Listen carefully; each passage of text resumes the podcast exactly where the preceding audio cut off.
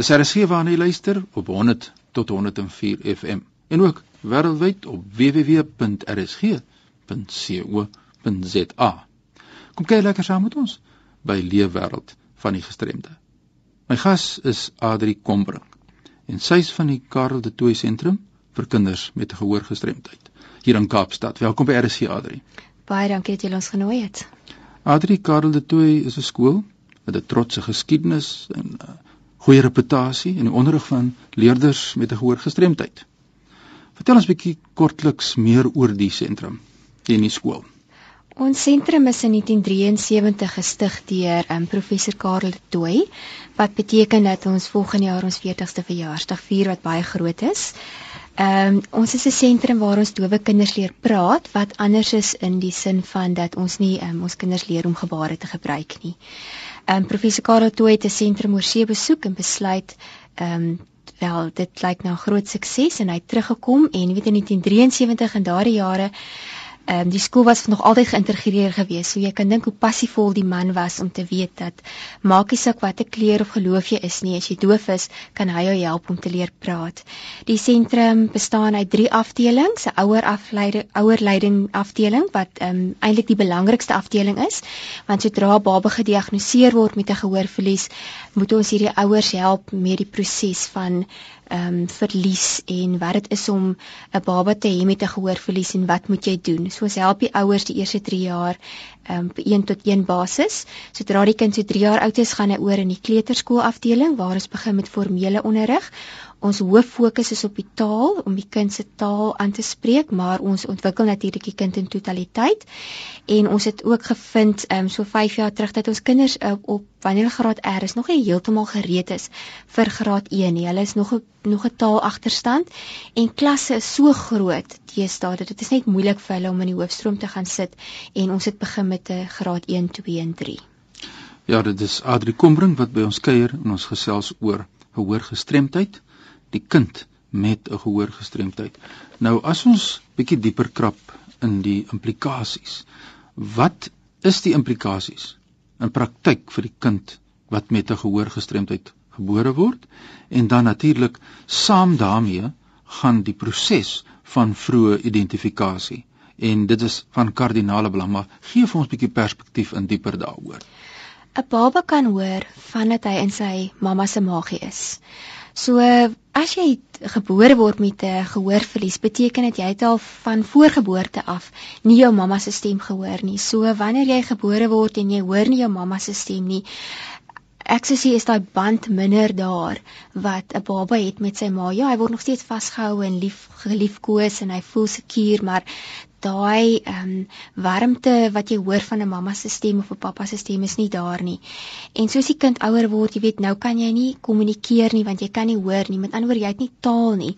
En as jy nie taal het, jy kan jy nie behoeftes uitspreek nie en dan begin jy te skree en en en en mense klassifiseer jou as stout en hulle kan verstaan hoekom jy so is nie en jy kry 'n label as kind omdat jy so is. Ek praat nie net van kinders wat wat heeltemal doof is. Ek praat van kinders met 'n gehoorverlies wat dalk sukkel om om hoë frekwensie klanke soos 'n te hoor. So hulle hoor nie altyd dieselfde nie.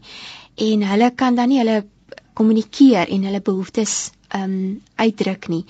Um, en dit gaan natuurlik in kan gaan ek maatjies maak. Gaan ek weet wat in my huishouding gebeur. Pappa het ewe skielik opgestap en uitgeloop, maar hy het miskien net gaan melk koop.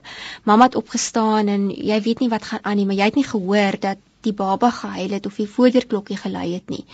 So jou hele omgewing begin vir jou, jy begin insekuur raak oor wat om jou aangaan want jy verstaan nie wat om jou aangaan nie. Mense staan op en gaan te kere en en jy weet nie hoe wat gaan nie om jou wêreld aan nie. So op die ou ende beïnvloed dit alles in jou lewe, selfs die kennis wat jy opdoen wat jy net toevallig hoor wat iemand van iets praat. En so gaan dit aan vir die res van jou lewe dan. Ja, daai beginjare is so belangrik, jy weet ja, die die ja. beginjare van die kind. Ja. En soos jy sê die veiligheid wat die kind beleef en ervaar en uh, dink jy daar word genoeg gedoen. Ons gaan nou praat oor vroeë identifikasie, maar dink jy daar word genoeg gedoen uh, oor om hierdie saak aan te spreek of nie? Ehm um, ons probeer ons bes by die Karel toe sentrum want vroeë identifikasie is die belangrikste ding wat kan gebeur in 'n dowe kind se lewe. 'n Dowe kind ehm um, so, hoe, hoe langer dit vat om gediagnoseer te word, hoe groter is daai um, taalagterstand wat die kind het. Ek sê as 'n kind op 1 jaar gediagnoseer word met 'n gehoorverlies, beteken dit hy's 1 jaar oud, maar hy is 0 maande oud wat gehoor aanbetref. So nou sit hy heeltyd met 'n jaar agterstand. So as 'n babietjie dag 1 geïdentifiseer kan word met 'n gehoorverlies en gepas kan word met apparate, behoort hy so naas moontlik op vlak te wees met sy normaal horende maatjie en um, en dan is die agterstand wat ingehaal moet word ook um, minder. Maar ons kry kinders tot op 3, 4, 5 jaar oud wat eers met 'n gehoorverlies gediagnoseer word. Dokters wat hulle sê, "Ag, moenie worry nie, jou kind gaan eers later praat of daar's niks fout nie, jy's 'n neurotiese mamma." As jy probleme doen iets daaraan want jou die agterstand word net groter en groter en dit beïnvloed jou kind se hele lewe. Ja, ek hoop die luisteraars neem kennis hiervan. Indien u regstreeks deur so iets geraak word, asseblief kom na vore ons gaan aan die einde van die program die kontak besonderhede deurgee om seker te maak dat ons kan hulp vra. Ons kan na vore kom en ons moenie stil bly oor hierdie baie belangrike aangeleentheid nie. So ja, julle doen julle bes sê julle en uh, wat word in die Weskaap gedoen om hierdie saak dan nou van julle kant af wat in die praktyk doen julle en paar inisiatiewe wat julle Ja, ons het so 15 jaar terug 'n um, COP community outreach outreach project begin in Kailicha want ons het gesien dat ons geen swart babatjies kry nie. En ehm um, ons het gevind hulle doen net hierdie ou rateltoetsie wat nie regtig effektief is nie. En ons het in die kliniek ingegaan en al die babatjies wat inkom wanneer hulle ingeënt word, gaan toets. En toe het ons later begin om verder uit te brei en ehm um, in nog meer klinieke, 10 klinieke in die Wes-Kaap in te kom. Baie private hospitale het dit begin insluit by hulle toetse wat hulle doen met um, die babatjies dat hulle ook um, uh, as hulle gebore is getoets word. En ons het nou onlangs begin om in die maternity units in te kom sodat ons nie eers die babatjies kry wanneer hulle 6 weke oud kom um, vir hulle inentingsie want dan het hierdie meeste van hierdie swart babatjies alreeds 'n um, middeloorontsteking en dit affekteer die toetse en dan moet hulle weer terugkom en ons vind nie dat hulle altyd terugkom en terugkom en so raak hulle net meer agter en agter. So uh, ons het tesame met die departement van gesondheid en Helens hulle ehm um, al baanbrekers werk gedoen om te kry dat vroeë identifikasie wetgewing word in hierdie land. Tegnologie wat jy gebruik. Wat is dit? Wat kan jy vir ons daarvan vertel? Wat deel dit met ons? Ehm um, tegnologie wel, die kind moet natuurlik gepas word met die beste apparate. So ons het audioloë by ons skool ehm um, wat hierdie kinders se gehoor toets en dan word hulle afhangende van die tipe gehoorverlies wat hulle het, word hulle gepas met 'n gehoorverlies. Ehm um, ons het ook beengeleiers wat ons die kinders mee pas. Dis te sê as die kind byvoorbeeld nie 'n oorskulpie het nie of daar's ehm um, verkalking in sy ehm um, met sy beentjies, dan kry hierdie kind 'n beengeleier.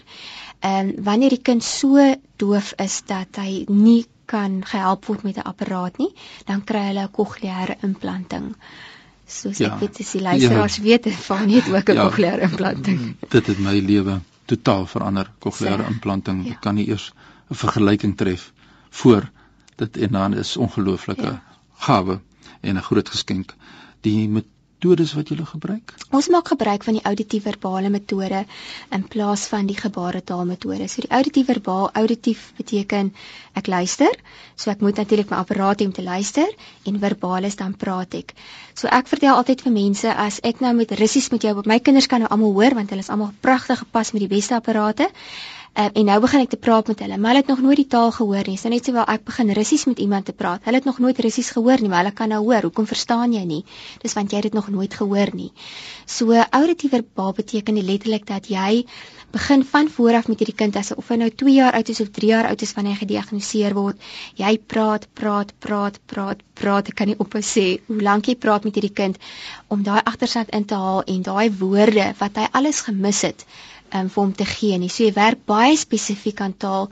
Kinders hoor nie toevallig iets nie. So jy moet sê ek stap, stap, stap. Ek sit die lig aan. Ek, ek draai die kraan oop. Alles wat jy doen, moet jy vir daai kind in woorde omsit. Jy kan nie vir 'n kind net vra wat is jou naam nie. Hy het nog nooit gehoor wat is jou naam nie. Hy ken nie daai vier woorde nie. Maar as jy hom roep, gaan hy reageer want hy sien elke keer as ek daai woord gebruik, kyk almal vir my. Maar dis die dis die taal daarvan wat belangrik is wat ons moet invoer.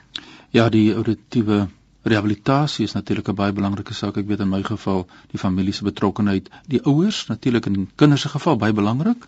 Ja, die ouers is is baie belangrik. Um, ons doen maar net 20% van die werk, maar die ouers um, moet 80% van die werk doen. So um, ons alleen kan dit nie doen nie en hierdie program ons sê vir die ouers aan die begin, dit is 'n program waar ouers betrokke by moet wees.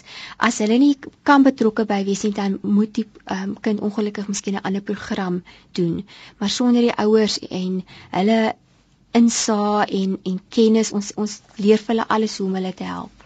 Dit het op so vinnig uit. Ek het nog een vraag vir jou ja. vra. Die luisteraar speel lekker saam mense vra. Uh die oorgestremdheid se diagnose.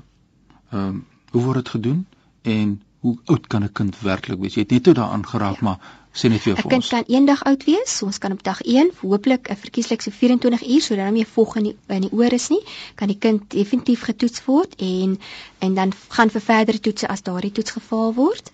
Ehm um, so kan baie vinnig gedoen word. So ouers moet asseblief na vore kom. Dit is die boodskap. Ja. Van Adri uh, Kombrink, sy's van die Karel de Tooy sentrum en as mense nou moet jy wil skakel waar kry hulle jou in die hande? Hulle kan ons skakel by 021 938 5303 9385303 of hulle kan natuurlik ook na ons webtuiste toe gaan www.kareldetoy.co.za Karel met 'n C.